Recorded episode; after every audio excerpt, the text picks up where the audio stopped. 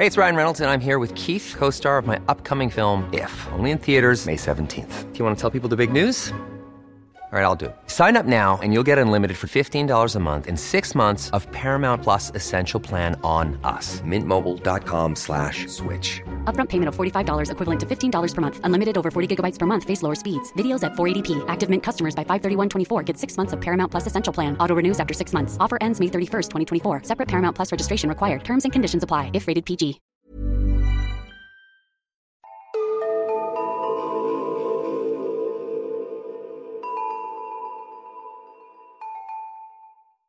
Hej och välkomna till Nära ögat, en true crime-podd för mesar. Mitt namn är Alexandra Kensdottir. Och jag heter Amelia Ingman.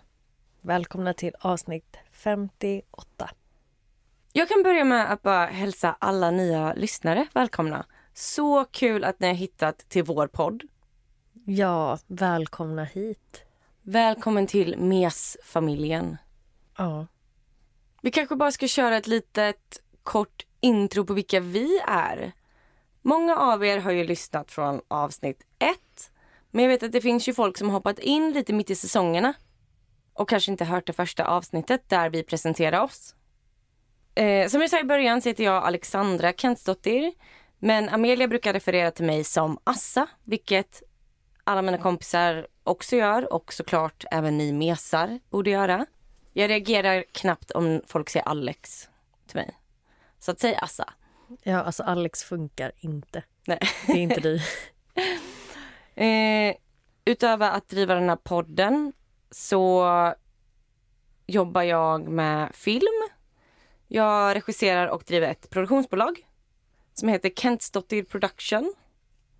Ja, det är så coolt. Assa gör allt ifrån reklamfilmer till musikvideor och allt däremellan.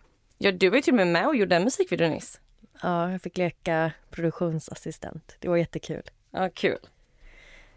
Ja, och jag och Amelia har ju känt varandra sen 2010. Mm. Vi pluggade tillsammans på högskolan i Halmstad. Precis, vi läste samma utbildning men med lite olika inriktningar.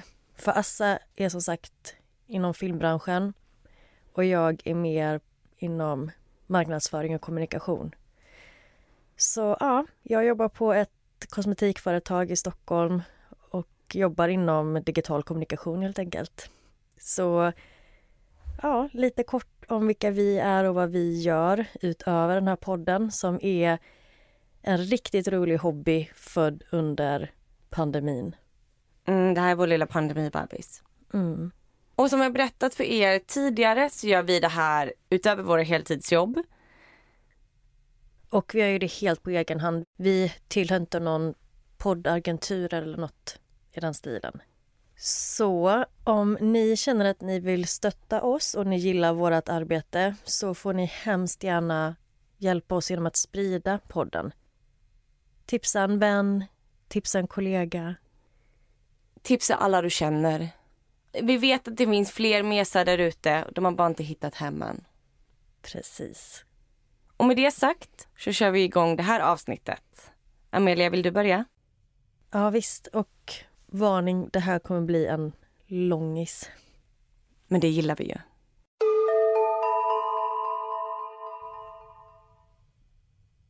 Idag ska jag berätta om The Stanford Prison Experiment, eller Stanford-experimentet. Och jag vill tacka Therese som skickade in och tipsade om det här fallet. Mina källor är en dokumentär av BBC News, prisonexp.org, simplypsychology.org, ett avsnitt av Mindfield, Wikipedia och ett Youtube-klipp av Kendall Ray. Känner du till Stanford-experimentet, Assa? Ja, det gör jag. Jag tror jag hörde talas om det när jag läste en bok som heter Pinocchio-effekten. Typ på gymnasiet. För det är ju ett väldigt känt fall. Jag kan tänka mig att många har sett filmen om det här experimentet med samma namn, The Stanford Prison Experiment. Och det har ju skrivits flera böcker och ja, det har gjorts fler filmer om det här experimentet. Men förhoppningsvis så blir det något nytt här idag eller att alla inte känner till.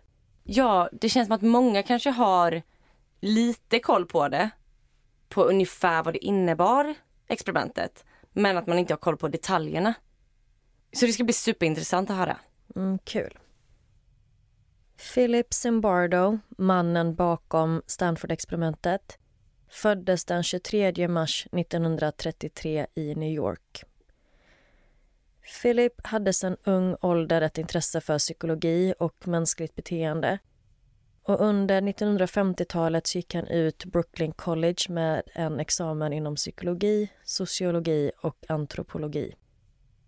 Efter det så tog han även en doktorand inom psykologi från Yale University.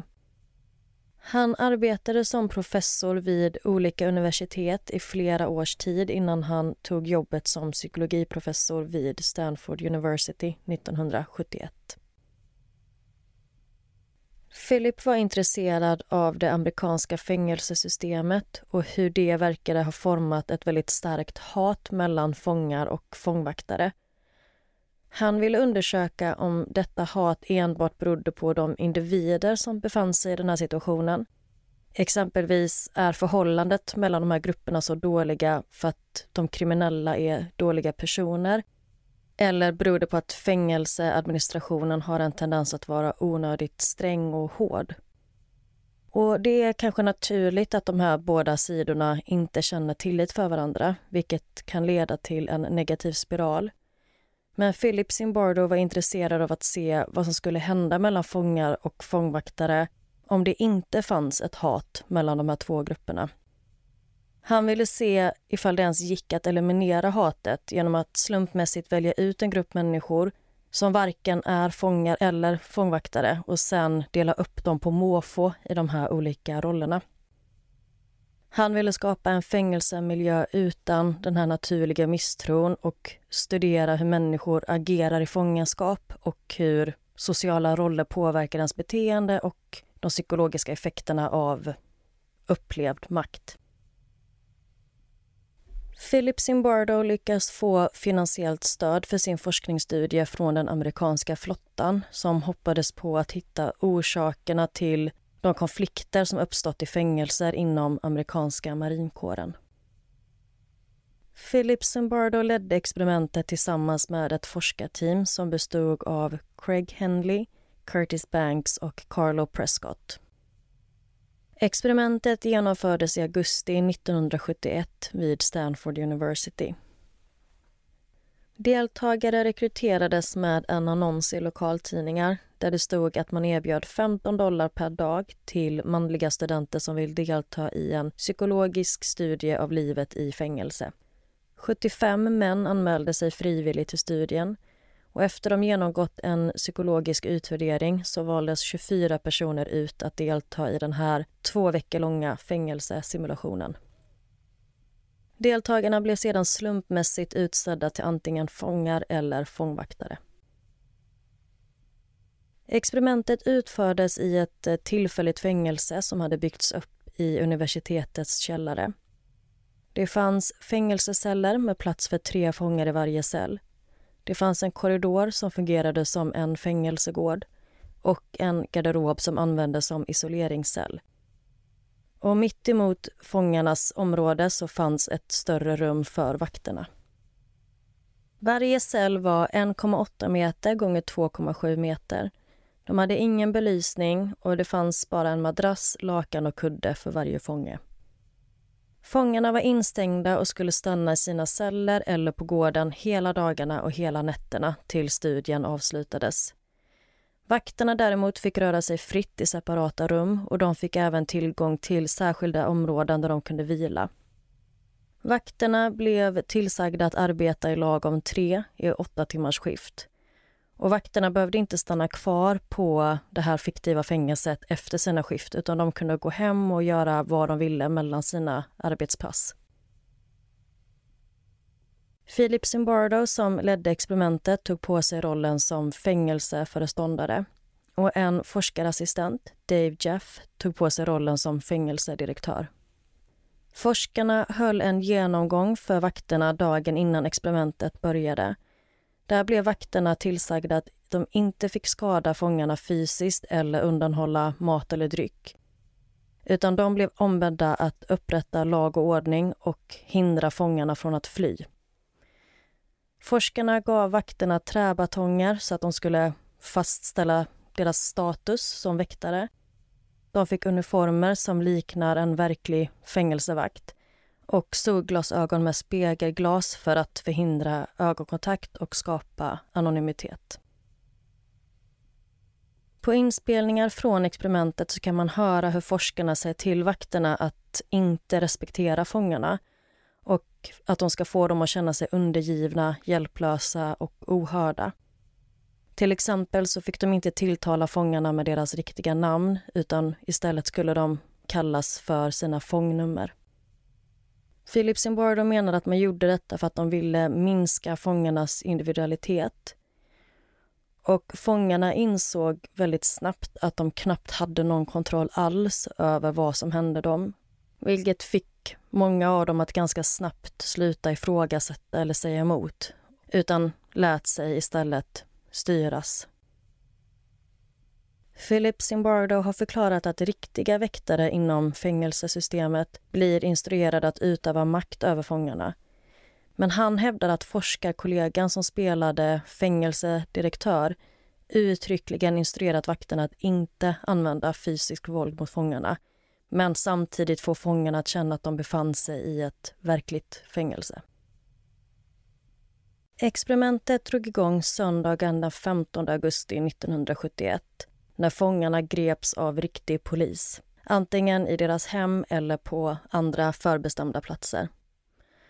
Forskarna valde att inte informera deltagarna om att de skulle arresteras av riktig polis eftersom de ville att det skulle vara oväntat och komma som en överraskning.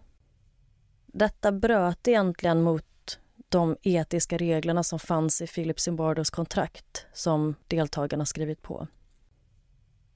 Under gripandet så åtalades deltagarna för väpnat rån och inbrott. Och polisen hjälpte forskningsteamet med att få det hela att verka så realistiskt som möjligt. Och efter de plockat upp fångarna så kördes de till polisstationen där polisen läste upp deras rättigheter, tog fingeravtryck och fotograferade alla fångarna. Allt detta filmades av en lokal reporter som åkte med i Philip Zimbardos bil vid gripandena. Under tiden förberedde sig tre vakter inför att fångarna skulle komma till fängelset i skolans källare. Fångarna transporterades dit från polisstationen och polisen hade sirenerna på när de körde dem till fängelset. Och när fångarna kommer fram så blir de genomsökta. De får nya kläder och nya identiteter vilket är fångnummer som är fastsydda på deras kläder. Fångarna förnedras av vakterna när de tas in i fängelset. Fångarna tvingas klä av sig nakna medan vakterna hånar deras kroppar, skrattar åt dem och förnedrar dem. Fångarna fick obekväma, illasittande klänningar utan några underkläder och en kedja runt ena fotleden. Vakterna hade som sagt fått instruktioner att kalla fångarna för deras fångnummer istället för namn och därigenom avhumanisera fångarna. Fångarna hälsades sedan välkomna av fängelsedirektören som pratade om allvaret i deras brott och förklarade deras status som fångar. Efter att de fått reglerna för fängelset upplästa för sig så förs de sedan in i sina celler där de spenderar resten av den första dagen. Många av fångarna berättade att under första dagen så kunde de svälja det mesta och de såg fortfarande på situationen som ett experiment. Att det bara var ett jobb för dem. Och rädslan hade inte riktigt börjat infinna sig och de känner inte riktigt allvaret i situationen än. Alltså, det är ju sån enkel så här, härskarteknik att ta bort någons namn och använda nummer istället. Alltså det har man ju sett genom tiderna. Men det sjuka är att så här, det funkar ju också när man typ tittar på Idol eller liknande. Att så här, de som söker får nummer istället för sina namn för att typ förminska dem för att de ska känna att de inte har någon makt. Ja, precis. Också de som utövar makten kanske enklare kan göra det i och med att de ser ett nummer och mm. inte någons riktiga namn. Och jag tror även att till en början så är det så att de killarna som har väktarroller kanske ser det lite som ett skämt först. Och även om de går in hårt i de här rollerna så kanske de fortfarande ser det på, som ett experiment. Men de har lite distans till det till en början. Precis. Men det ändras ganska snabbt. Redan den andra dagen så kommer första upproret från fångarna. När vakterna väcker dem klockan 02.30 på morgonen med massa oljud från bland annat visselpiper och bankande med batonger så vägrar fångarna att lämna sina celler. Och De barrikerar sig i cellerna med hjälp av sina madrasser och de sliter av sina fångnummerlappar och förolämpar vakterna. Som svar sprutar vakterna brandsläckare in i cellerna mot fångarna för att återta kontrollen. Och ytterligare tre vakter tas in som backup för att hjälpa till att återställa kontrollen över fängelset. Vakterna tar sedan alla fångarnas kläder, de tar bort deras madrasser och de dömde de fångar som de ansåg betett sig värst till tid i isoleringscellen, så de kallar för the hole. Och en av vakterna kallar dem för farliga fångar. Så de försöker nu avskräcka resten av fångarna från att skapa fler uppror. Men samtidigt så provocerar vakterna fångarna och de är onödigt hårda mot dem. Framförallt en vakt som heter Dave. Och Han gjorde typ allt i sin makt för att reta upp fångarna och göra situationen så jobbig som möjligt för dem. Och Han ville visa fångarna vem som var boss. Han säger i efterhand att han uppfattade experimentet som så att forskarna ville bevisa att fängelser var en grym och inhuman plats. Och Han menar att han gjorde vad han kunde för att hjälpa dem få fram det resultatet. Och Han beskriver själv att han var en konfrontativ och arrogant 18-åring för tiden av experimentet. Och Han säger även att han var anstiftare till alla trakasserier mot fångarna. Så han behandlar fångarna riktigt illa och såklart så reagerar de på detta och börjar sätta sig emot. Han var bara 18. Mm. Alla deltagare i detta experimentet är unga män och pojkar som går på college. Och Jag vet inte exakt vilket åldersspann, men den här vakten är 18 och jag vet att vissa deltagare var 22, 23 ungefär. Så någonstans däremellan. Mm. En sak som vakterna gjorde för att utöva makt var att ge fångarna helt onödiga arbetsuppgifter. Exempelvis så kunde de väcka fångarna mitt i natten och tvinga dem att skrubba toaletterna och rengöra cellerna med sina bara händer. Och Det är väldigt psykiskt påfrestande när man får sömnen rubbad och någon plötsligt väcker en för att göra tvångsarbete. Sen måste man försöka somna om för att sen tvingas upp igen och så vidare. Och värt att nämna är att det fanns inga fönster nere i fängelset. Så det fanns inget sätt för fångarna att hålla koll på vilken tid på dygnet det var eller vilken dag det var. Så de hade ingen tidsuppfattning överhuvudtaget och de visste inte ens hur länge de hade varit där och blev därmed väldigt desorienterade. Och nu är vi inne på dag tre. Och för att förhindra ytterligare uppror eller olydnad från fångarna så separerade vakterna på de fångar som hade haft mindre roller i upproret och belönade dem. De här tre fångarna tillbringade tid i en bra cell där de fick kläder, sängar och mat som de andra fångarna nekades. Och efter uppskattningsvis 12 timmar så återvände de här tre till sina gamla celler som saknade sängar. Och forskarna tillät vakterna att missbruka sin makt för att förödmjuka fångarna. Och vakterna tvingade dem att göra armhävningar, de begränsade tillgången till badrummet och de tvingade fångarna att använda en hink i sina celler som toalett. Den första fången som lämnade experimentet var Douglas Corpy, fånge 8612. Men när detta hände så hade Philip Zimbardo svårt att gå ut ur sin roll som fängelseföreståndare och anta rollen som professor igen. Och självklart så hade alla rätt att lämna när de ville. Men Philip Zimbardo ville egentligen inte att någon skulle avbryta utan försökte övertala honom att stanna kvar. Men de fick väl typ, vad sa du, 15 dollar per dag? Precis, 15 dollar per dag och experimentet skulle pågå i 14 dagar jag fattar att han inte tycker att det är värt det om man blir behandlad på det sättet. Nej, och 15 dollar det var inte jättemycket pengar då heller. Men de är studenter. Jag vet att många av de här killarna tyckte att det var enkla pengar. Istället för att ha ett sommarjobb hela sommaren så kunde de göra detta två Mm. veckor.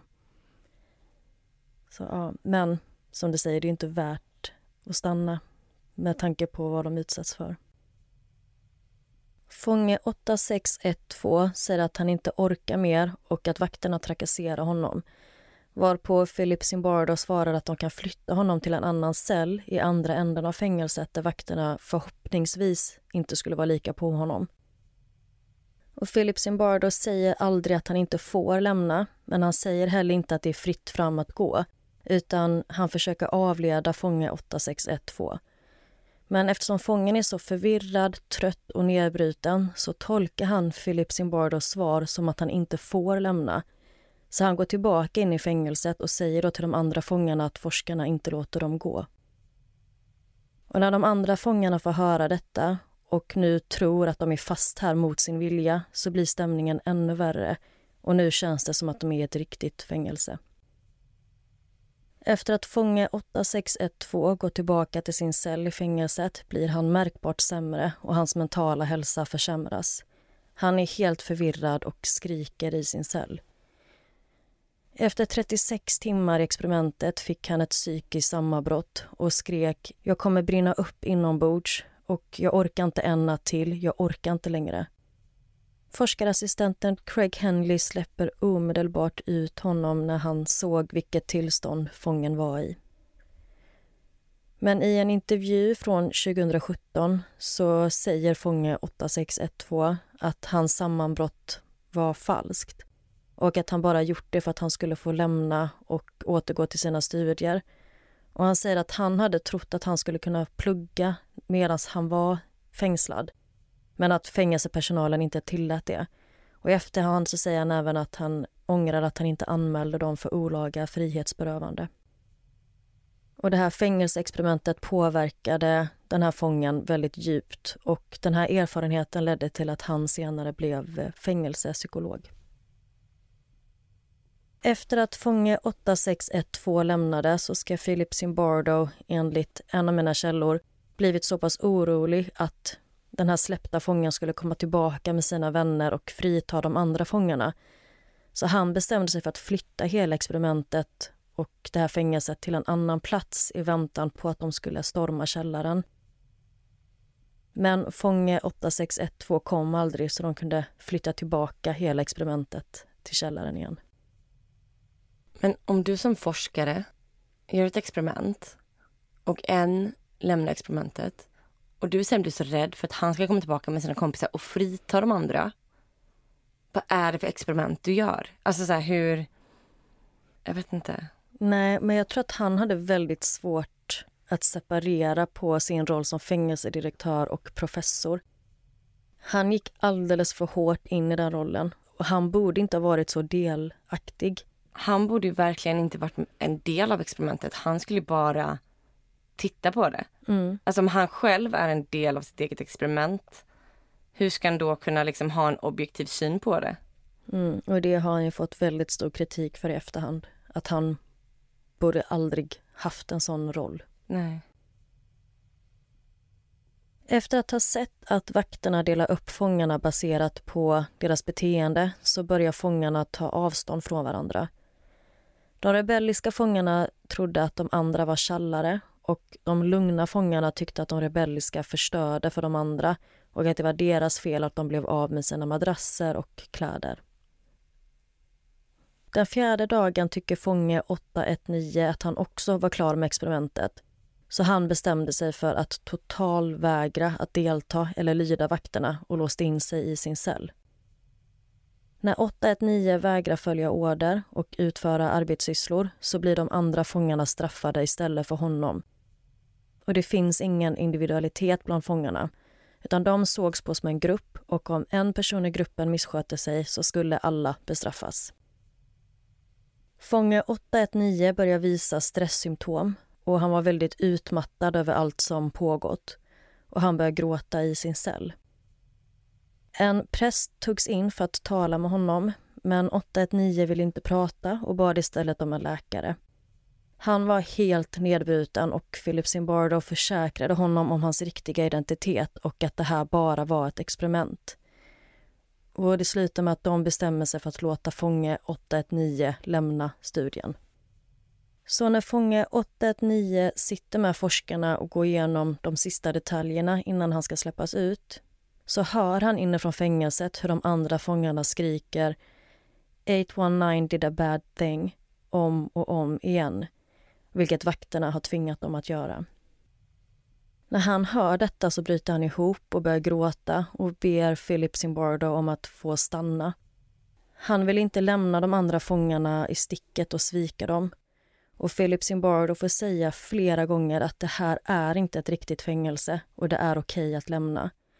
Och till sist så är det som att det klarnar för fånge 819 att han faktiskt inte gjort något fel och att han inte behöver vara här. Så det slutar med att han går.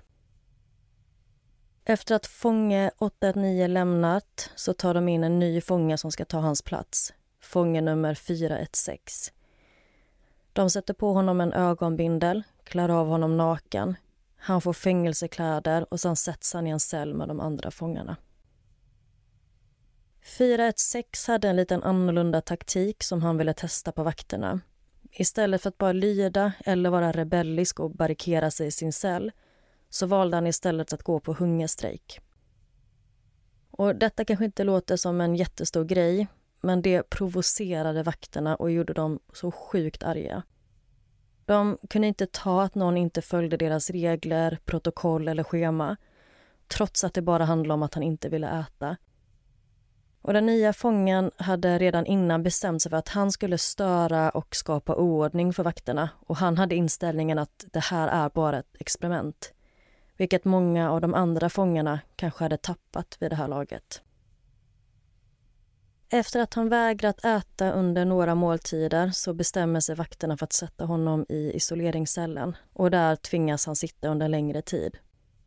Och när han är där inne så straffade vakterna de andra fångarna och tvingar dem även att gå fram till dörren och banka på den och säga tack så mycket 416. Förmodligen för att få honom att känna skuld och vika sig. På den femte dagen får fångarna besök av vänner och familj för att simulera en verklig fängelseupplevelse. Philip Zimbardo och vakterna fick besökarna att vänta länge på att få träffa de intagna. Fångarna fick endast träffa två personer i tio minuter medan en vakt tittade på. Flera föräldrar blev oroliga över sina söners välbefinnande och om de fick tillräckligt med mat och några av föräldrarna planerade att kontakta advokater för att få sina barn släppta tidigare. Vid slutet av femte dagen var fyra fångar så nedbrutna att de blev tvungna att lämna. Samma dag kom Philip Zimbardos kollega Kristina Maslak och hälsade på för att se hur allt gick. Philip Zimbardo förväntade sig nog att hon skulle bli imponerad över experimentet och hur realistisk fängelsemiljö det var. Men när hon kollade på vad som pågick i övervakningskamerorna hon såg att vakterna ställde upp fångarna på led ute i korridoren med påsar över huvudet och kedjor runt fötterna för att sen marschera dem in till toaletterna vilket gjorde henne riktigt illa till mods. Och hon tyckte att det var så obehagligt att se på så hon var tvungen att titta bort. Och allt detta gjorde henne väldigt upprörd och arg och hon uttryckte sitt missnöje och sin oro för Philip Zimbardo. Och hon menar att det inte längre är ett experiment utan snarare tortyr. Först blev Philip Zimbardo väldigt upprörd över Christinas reaktion och började argumentera med henne. Hon är psykolog och han tycker att hon borde tycka att detta dynamiska beteende är intressant och han försvarar även hur snabbt de nått hit. Men hon står på sig och säger att det här är unga män och pojkar och att Philip är skyldig. De är hans ansvar och han har låtit detta ske. Och hon tycker att Philip Zimbardo har brist på omsorgsfull tillsyn och att studien är omoralisk. Hon förklarar även att hon tycker att Philip Zimbardo har förändrats av sin roll som fängelseföreståndare till någon som hon inte kände igen och som hon inte gillade. Och Det var precis som att Philip behövde detta uppvaknandet och han förstod att hon hade rätt och och att det hela var oetiskt. På grund av Christinas invändningar, föräldrarnas oro och den ökade brutaliteten som vakterna visade i experimentet så avslutade Philip Zimbardo studien dag 6.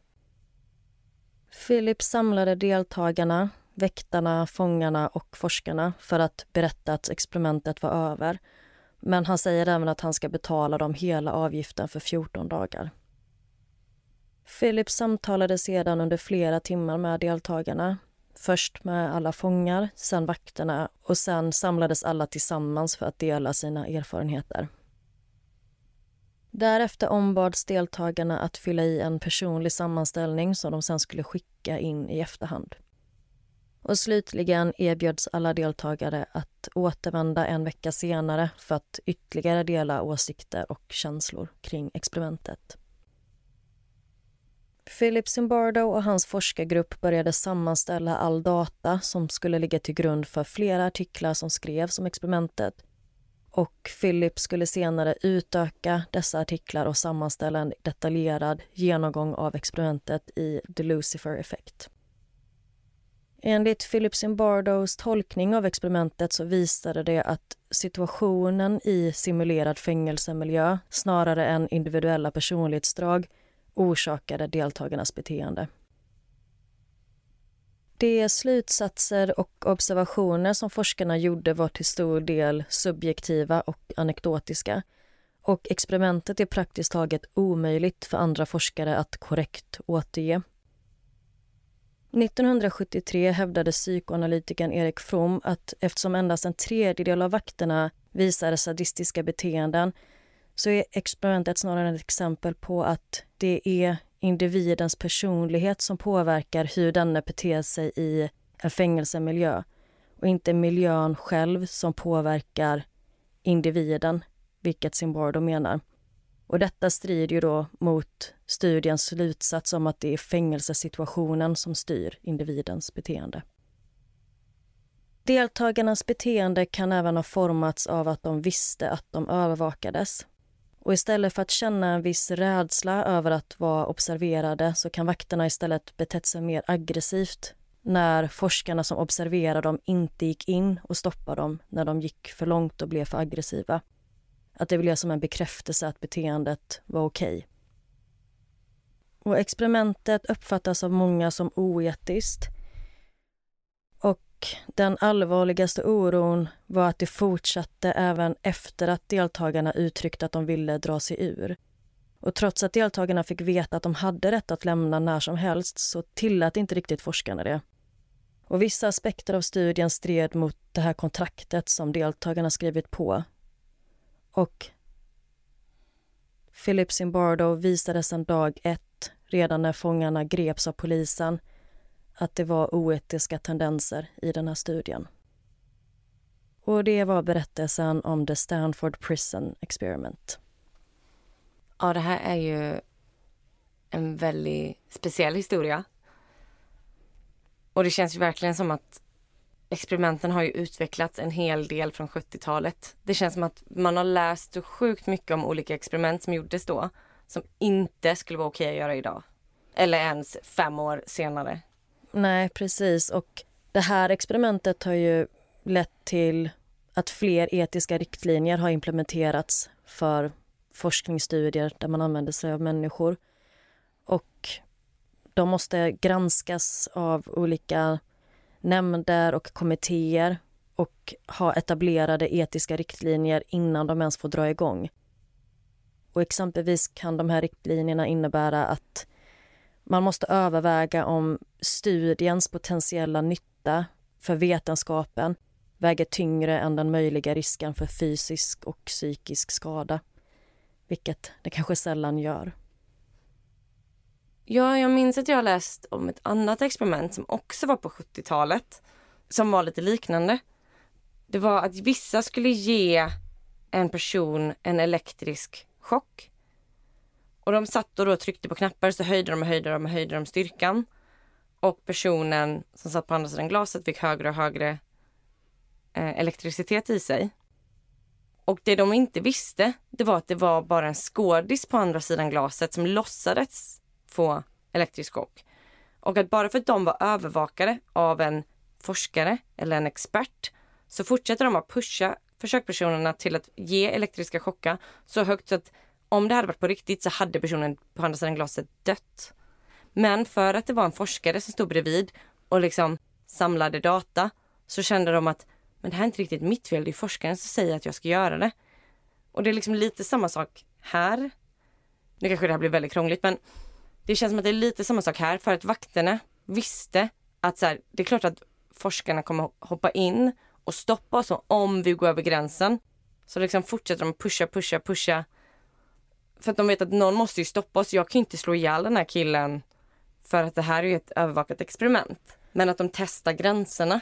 Ja men visst var det så och det menar de själva också och många experter efteråt att det kan verkligen ha påverkat hur långt de här vakterna faktiskt tog det. Men värt att säga också att forskningsgruppen som ledde det här experimentet uppmuntrade vakterna till att vara hårda och förnedra fångarna. Och Det är också chockerande hur snabbt de blev så här nedbrutna och hur få som faktiskt valde att lämna. Men man kan ju bara tänka hur vidrigt behandlade de blev i och med att hela experimentet stängdes ner efter sex dagar. Det är inte ens halva tiden. Det känns också som att den här forskaren, Philip Zimbardo, att han, han säger att fångarna fick gå när de ville. Men fick de verkligen det? Alltså det känns som att han kanske efterkonstruerar lite. Eller? Ja, alltså han sa aldrig till någon uttryckligen att du får inte gå. Men han vred och vände på sina ord så att den här första fången som ville lämna, han trodde genuint att han var fast på riktigt. Även om Zimbardo inte sa du får inte gå så sättet han sa det på fick fångarna att tro att de inte hade ett val. Det känns som att det borde finnas någon slags stoppord eller någonting. Så att så här... mm. Och sen så kan man också vara kritisk till hur legitim den här studien är. Dels i urvalet av deltagare men också hur få deltagare de faktiskt hade. För att man kan inte dra några slutsatser på 25 personer. Speciellt inte om vissa lämnar och nya tas in. Det går ju inte att säga någonting egentligen på så få. Nej. Och Philip Zimbardo, om han nu så gärna ville vara delaktig i experimentet och ta på sig den här rollen som fängelseföreståndare så borde han ju haft ytterligare en psykologiprofessor med i den här processen som kunde stått helt utanför och bara observerat och då hjälpt till att undvika så att inte det här agerandet skulle gå för långt. För det går inte att både delta i och leda samma experiment. Nej men verkligen inte. Idag känns det ju självklart. Men det är också för att vi har lärt oss av de här misstagen som folk, som forskarna gjorde på typ 70-talet. Mm. Det kanske var många experiment som hände då där man faktiskt deltog som forskare också. Jag vet inte. Men ingen aning. Ja, och det finns ju som sagt hur mycket kritik som helst kring det här fallet som har kommit fram i efterhand. Och sen så har det varit lite olika enligt vissa källor som jag har tittat på men vissa menar att de gjorde en debriefing med deltagarna ganska snabbt efter att de avslutade experimentet. Medan andra källor säger att det tog flera år innan Philip Zimbardo återkopplade med deltagarna.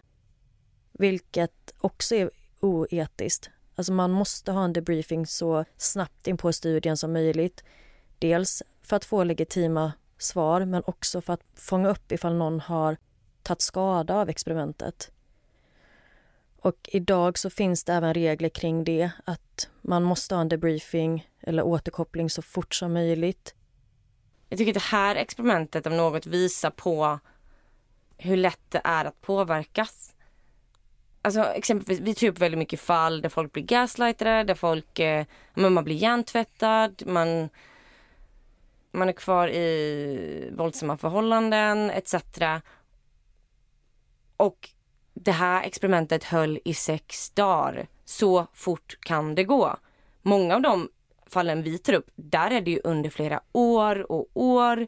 Jag vet, det, det är fall vi har tagit upp där folk inte har varit liksom fysiskt fast hos en kidnappare utan de har kunnat gå som de vill men de, de är så pass låsta mentalt att de inte kan ta sig därifrån.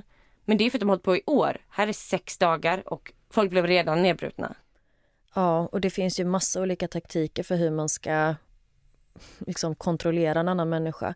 Och det verkar här som att den här sömnrubbningen var en grej som väldigt tidigt fick fångarna att tappa uppfattningen om tid, rum. De liksom blev desorienterade, förvirrade och ja, mådde inte bra helt enkelt. Alltså nu drar jag väldigt mycket paralleller till dokusåpor. Men jag har precis hållit på att kolla på en eh, serie på SVT som handlar om ja, men dokusåpans uppkomst och sådär. Och det är så många dokusåpor som har använt sig av, alltså i princip det här. Jag tänker på alltså Big Brother, man blir inlåst i ett hus, eh, du har ingen kontroll, de rubbar din sömn.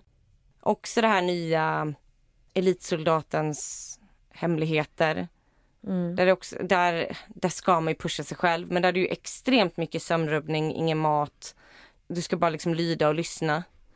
Det är så många sätt för... Eh, men att få folk att falla in i ledet helt enkelt. Ja, att liksom bryta ner folk. Ja. Också den här kollektiva bestraffningen. Mm. Typ om du säger emot, om du gör uppror, då straffar vi hela gruppen. Ja.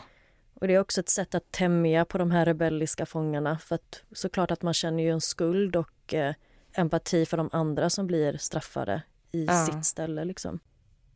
Men ja, det finns hur mycket som helst att diskutera kring det här fallet. Och i de här källorna som jag använt det finns ju hur mycket mer information som helst men man får ju välja att skala av det någonstans. Och eh, jag kan verkligen rekommendera den här BBC-dokumentären och det finns som sagt massvis med filmer och böcker baserade på det här experimentet. Ja, men det här var så spännande. Jag hade verkligen kunnat sitta och prata om det här hur länge som helst. Ja, men nu, nu vill jag lämna över till dig. Jag är trött på min egen röst. tack så hemskt mycket, Amelia. Tack själv och tack igen, Therese, som skickade in det här tipset.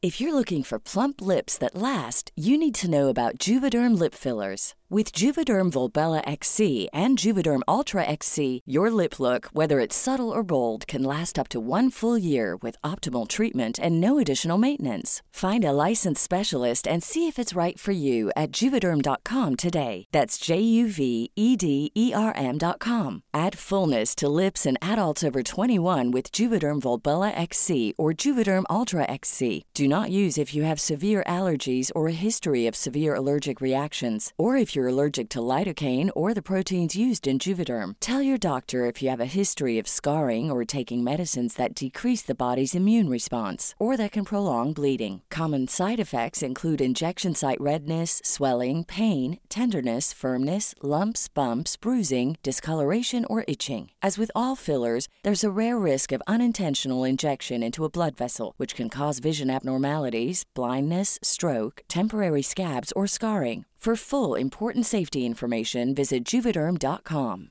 Hey, it's Ryan Reynolds, and I'm here with Keith, co star of my upcoming film, If, only in theaters, May 17th. Do you want to tell people the big news? All right, I'll do it. Sign up now and you'll get unlimited for $15 a month in six months of Paramount Plus Essential Plan on us. Mintmobile.com slash switch. Upfront payment of $45 equivalent to $15 per month. Unlimited over 40 gigabytes per month. Face lower speeds. Videos at 480p. Active Mint customers by 531.24 get six months of Paramount Plus Essential Plan. Auto renews after six months. Offer ends May 31st, 2024. Separate Paramount Plus registration required. Terms and conditions apply if rated PG.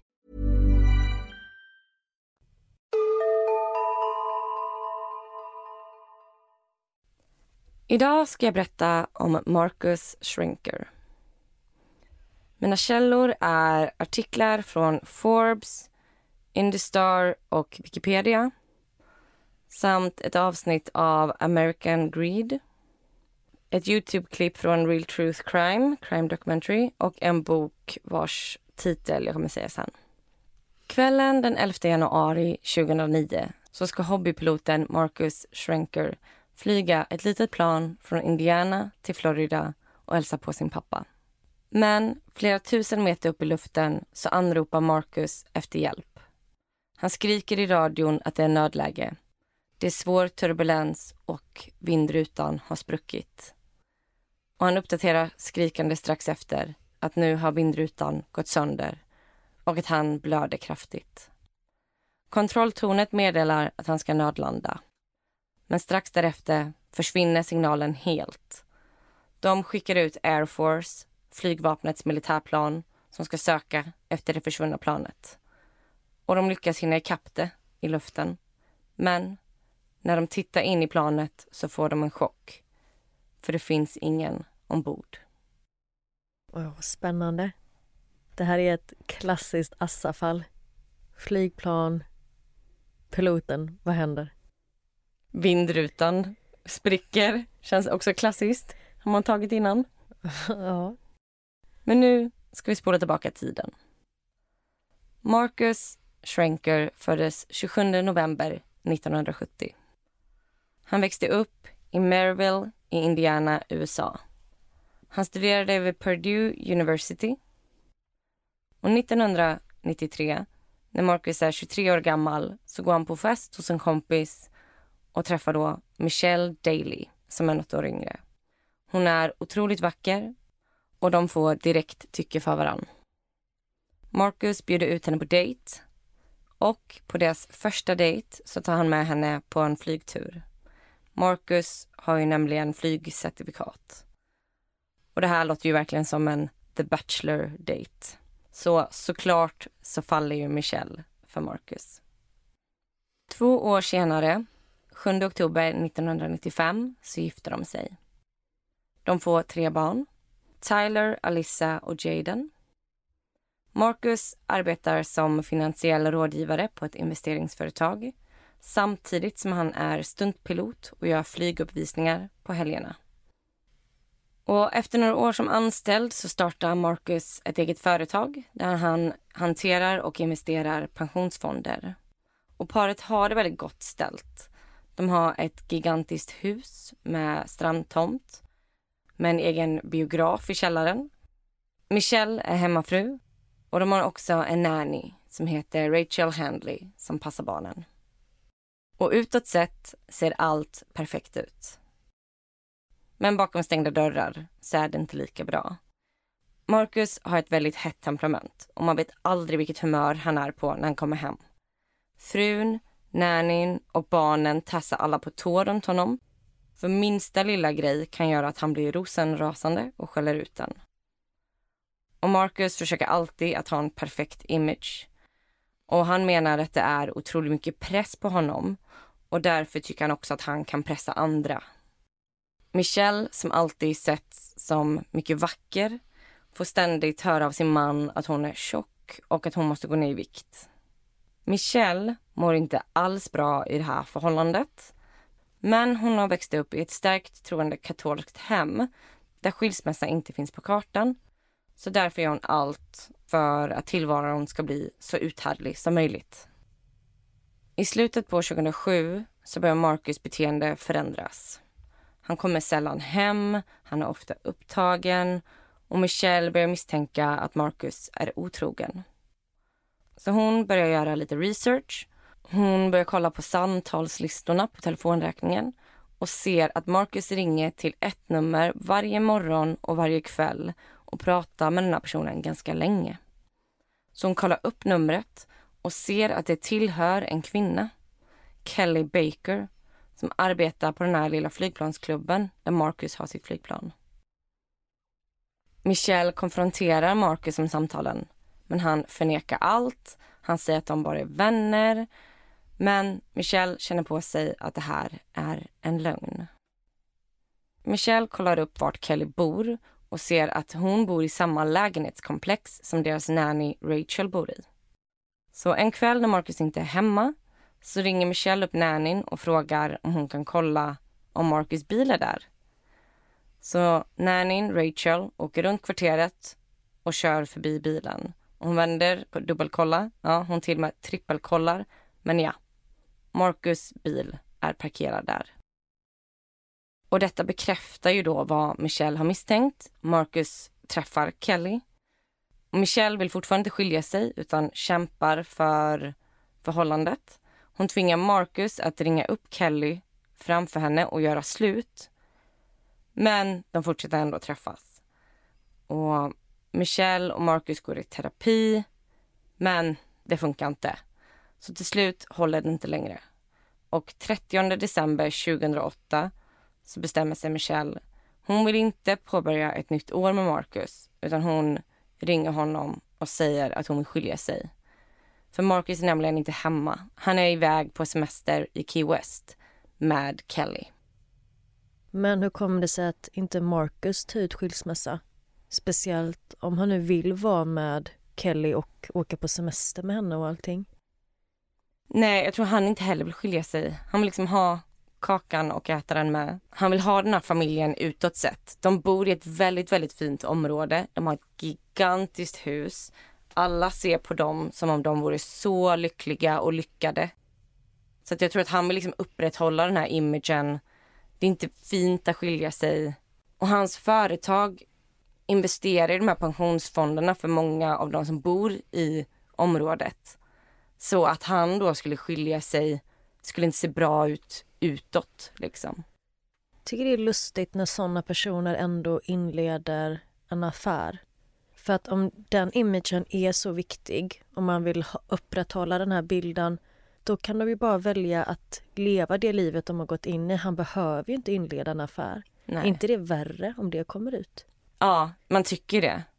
Men eh, nu vet jag inte alls hur liksom det här området var men det känns som att i vissa så här områden med rika mäktiga män så kanske många har en liten fling vid sidan av. Och det här är bara baserat på mina fördomar och all skit man sett på tv. Ja, hundra procent. Dagen efter Michelle har ringt till Marcus och sagt att hon skilja sig så ringer det på dörren hemma. Det är Indiana State Police och de har en husrannsakan med sig. De går in, de går igenom hela det här stora huset och speciellt Marcus hemmakontor. De beslagtar alla datorer i huset och tar med mängder av permar och dokument. Marcus är nämligen misstänkt för att ha förskingrat pengar och stulit från sina kunder. Han förvaltar ju och investerar som sagt pensionsfonder och många av hans kunder är väldigt förmögna så det här handlar om miljoner dollar. Och han ser ju till att investera de här pengarna så de ska få hög avkastning och att deras pengar ska växa. Men Marcus har investerat väldigt stora summor i en fond som heter Eurofond. Och det hans kunder inte vet, det är att han själv äger Eurofond. Så att deras pengar går i princip till honom. Så enkelt förklarat så investerar han sina kunders pengar så han får de pengarna, vilket är stöld. Och många av hans kunder var ju vänner till familjen. Och det var också pensionerade piloter från flygklubben där han var medlem i. Och det var först när ett företag som heter The Client Group upptäckte att Marcus hade lånat pengar från deras fonder som de upptäckte vad han höll på med. Och han försökte skylla på försäkringsbolag och så vidare. Och han kom med mängder av ursäkter. Men The Client Group såg till att han blev av med sin förvaltningslicens och polisanmälde. Och det var på så sätt som polisen då kunde starta en utredning och även hitta fler offer som blivit av med pengar. För många av dem visste inte ens om vad han höll på med. Nej, precis. För att om man själv inte är superinsatt i investeringarna så hur ska man ha koll? Jag menar oftast är det kanske att man tar in den här hjälpen för att slippa lägga sig i var allting placeras. Ja, och det här är ju också så pensionsfonder. Så det här handlar ju om kanske långt fram i tiden. Ja, det kanske går lite sämre ett tag, men sen kommer det gå bra. Ja, exakt. Och det är ändå pengar de inte tänkt röra förrän om flera, flera år förmodligen. Mm, precis. Och någon dag senare så går Marcus styvpappa bort så att han åker hem och går på begravningen tillsammans med Michelle. Vet Marcus om att det har varit en husrannsakan hemma hos dem? Ja, det vet han. Men under just den här perioden så vet de nog inte riktigt omfattningen av vad han är misstänkt för. Jag tror inte Michelle förstår omfattningen av vad han är misstänkt för i alla fall.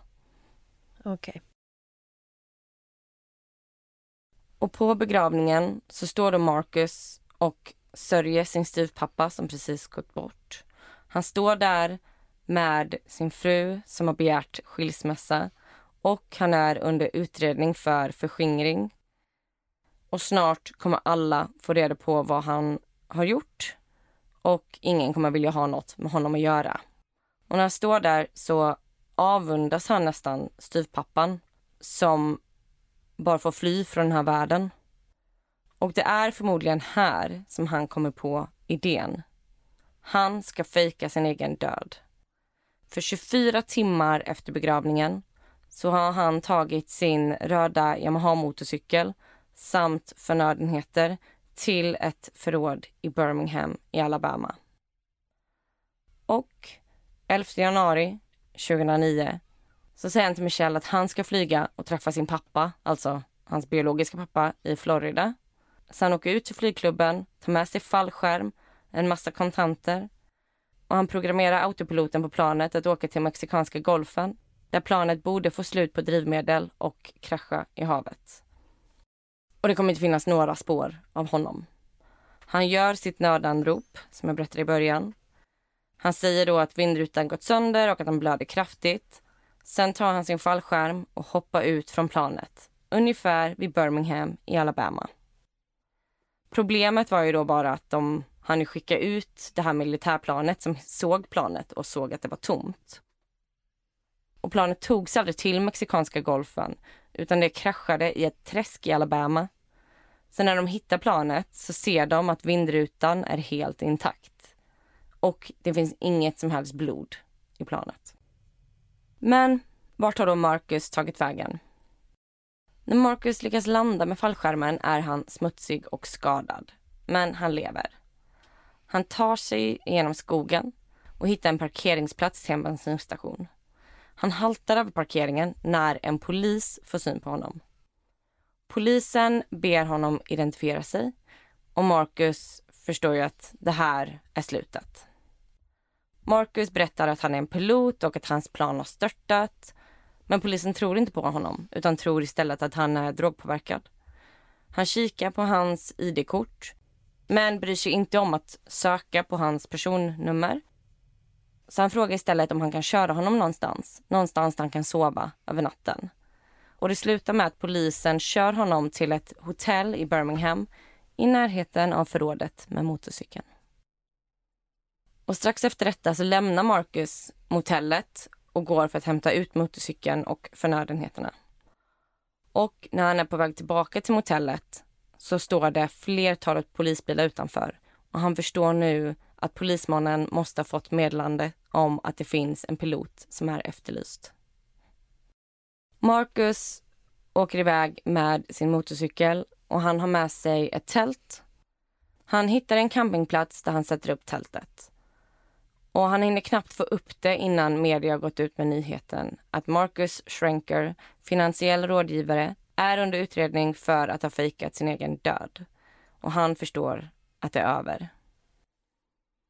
Marcus sväljer en massa opiader med alkohol och sen skriver han ett långt e-mail till en man som skötte nyhetsbrevet i grannskapet där de bor. Och jag kommer gå in lite senare på vad det stod i det mejlet. Efter han skickat mejlet så försöker han ta sitt liv genom att skära upp handlederna. Men då han inte betalat för campingen så går campingvakten runt och ser ett tält som de inte känner igen. Och när campingvakten närmar sig så ser han en massa blod. Så då ringer han polisen och inom kort kommer både polis och ambulans till platsen. Marcus överlever självmordsförsöket men häktas direkt efter. En rättegång hålls och Marcus döms till fyra år och tre månader i fängelse för att medvetet ha skickat ut falska nödanrop från flygplanet. Och ungefär ett år efter det så hålls ytterligare en rättegång. Den här gången för förskingring av pengar. Och han går med på en plea deal vilket innebär att han erkänner sig skyldig till fem av elva punkter vilket ger honom tio år i fängelse plus att han ska betala tillbaka ungefär 630 000 dollar till några av sina offer. Marcus familj var ju de som verkligen fick lida här. Och många av parets vänner trodde att Michelle visste om vad Marcus gjorde och att hon var en del av det här. Hon har aldrig blivit dömd för något och hon menar att hon själv var ett offer i hela den här situationen också. Hon förlorade ju sitt hus, hon förlorade en massa pengar som hon trodde tillhörde deras familj. Och idag har hon fått bygga upp sitt liv på nytt och eh, behöver då försörja deras tre barn. Och hon har också förlorat väldigt många av sina vänner. Och hon säger att det är först nu hon verkligen förstår vilka hennes riktiga vänner är. Och innan jag avslutar allt eh, så tänkte jag berätta att boken som jag nämnde i början som källa heter Bailout, the life and lies of Marcus Schrenker. Och den är skriven av en man som heter Matthew Cox som själv suttit inne för bedrägerier. Och nu så driver han bland annat en Youtube-kanal eh, där han berättar om olika true crime-fall. Och under tiden som han också satt inne så träffade han Marcus Schrenker i fängelse och började intervjua honom. För Marcus ville då att Matthew skulle skriva sanningen om vad som hände. Och Marcus menar ju att han är oskyldig. Men när Matthew började intervjua Marcus så kom han fram till att Marcus är en, en patologisk lögnare. Så boken handlar dels om vad som faktiskt hände blandat med stycken där Marcus försöker lura Matthew eller han liksom fortsätter ljuga om saker om vad som hände som Matthew då går till grunden med. Han liksom går och dubbelkollar alla de här sakerna som han berättar och kan ju då eh, bevisa att vissa saker är falska. För alltså Marcus hävdar ju fortfarande att han är oskyldig. Han menar att han blev lurad av företag och att han var tvungen att ta på sig skulden för den här ekonomiska härvan som skapades till följd av att andra då hade lurat honom. Och att det är som att allting han säger är bara en ny lögn som ska förklara den gamla lögnen. I det här mejlet, det här avskedsbrevet som jag pratade om, som han mejlade till Tom Britt, en granne och bekant som drev då ett nyhetsbrev för det här bostadsområdet de bodde i. Han skrev i det här mejlet att han hoppades att Tom skulle kunna hjälpa honom att berätta sanningen. Så när han håller på och ska ta livet av sig, istället för att mejla sin fru eller sina barn eller sin älskarinna, så väljer han att mejla en man i grannskapet som sköter ett nyhetsbrev. För att han ska då rentvå sitt namn. Och i det här mejlet så står det att flygplanskraschen var en olycka och att rutan gick sönder och att han flög ut ur planet på grund av trycket och att han minsann förlorade en massa blod. Och på grund av att han både förlorat så mycket blod och fått syrebrist så tog han några dåliga beslut och att på grund av syrebrist så får man sämre konsekvenstänk. Och att det var därför han gömde sig på den här campingen. Och han menade också att utredningen kring hans företag att det bara, allt är bara ett missförstånd och att han aldrig ville såra någon. Alltså det är som att så här, han bara ljuger och ljuger och ljuger. Även om han vet att de har hittat planet, de har sett att vindrutan inte är sönder. Så är det som att han fortfarande tror på det och fortsätter skriva nya lögner om de här lögnerna. Eller hur, man känner bara ge upp. Han bara gräver djupare och djupare. Och han menar ju också då att Michelle, hans fru eller exfru, också var med på att han skulle fejka sin egen död. Men vad får han ut av att dra in henne i det? Och det låter ju som en riktig typ mytoman. Jag vet inte, man ska inte slänga sig med liksom diagnoser men, men han verkar ju helt egoistisk. Ja, och det är som att så här, även så Michelle, när hon tittar tillbaka på deras äktenskap kan se hur han har ljugit om helt onödiga saker under hela äktenskapet. Det kan vara små grejer som inte betyder någonting. Men han har liksom ljugit om det. Jag var mm. åt du till middag och jag åt det här men han har egentligen ätit något annat. Alltså bara för typ storyn. Men Marcus ljuger om småsaker hela tiden. Bara en sån här sak som när Matthew skrev den här boken så hade Matthew sett en bild på Kelly, Marcus älskarinna. Men när han då pratar med Marcus så visar Marcus en bild på en brunett i eh, underkläder. Ja, det här är Kelly, min älskarinna.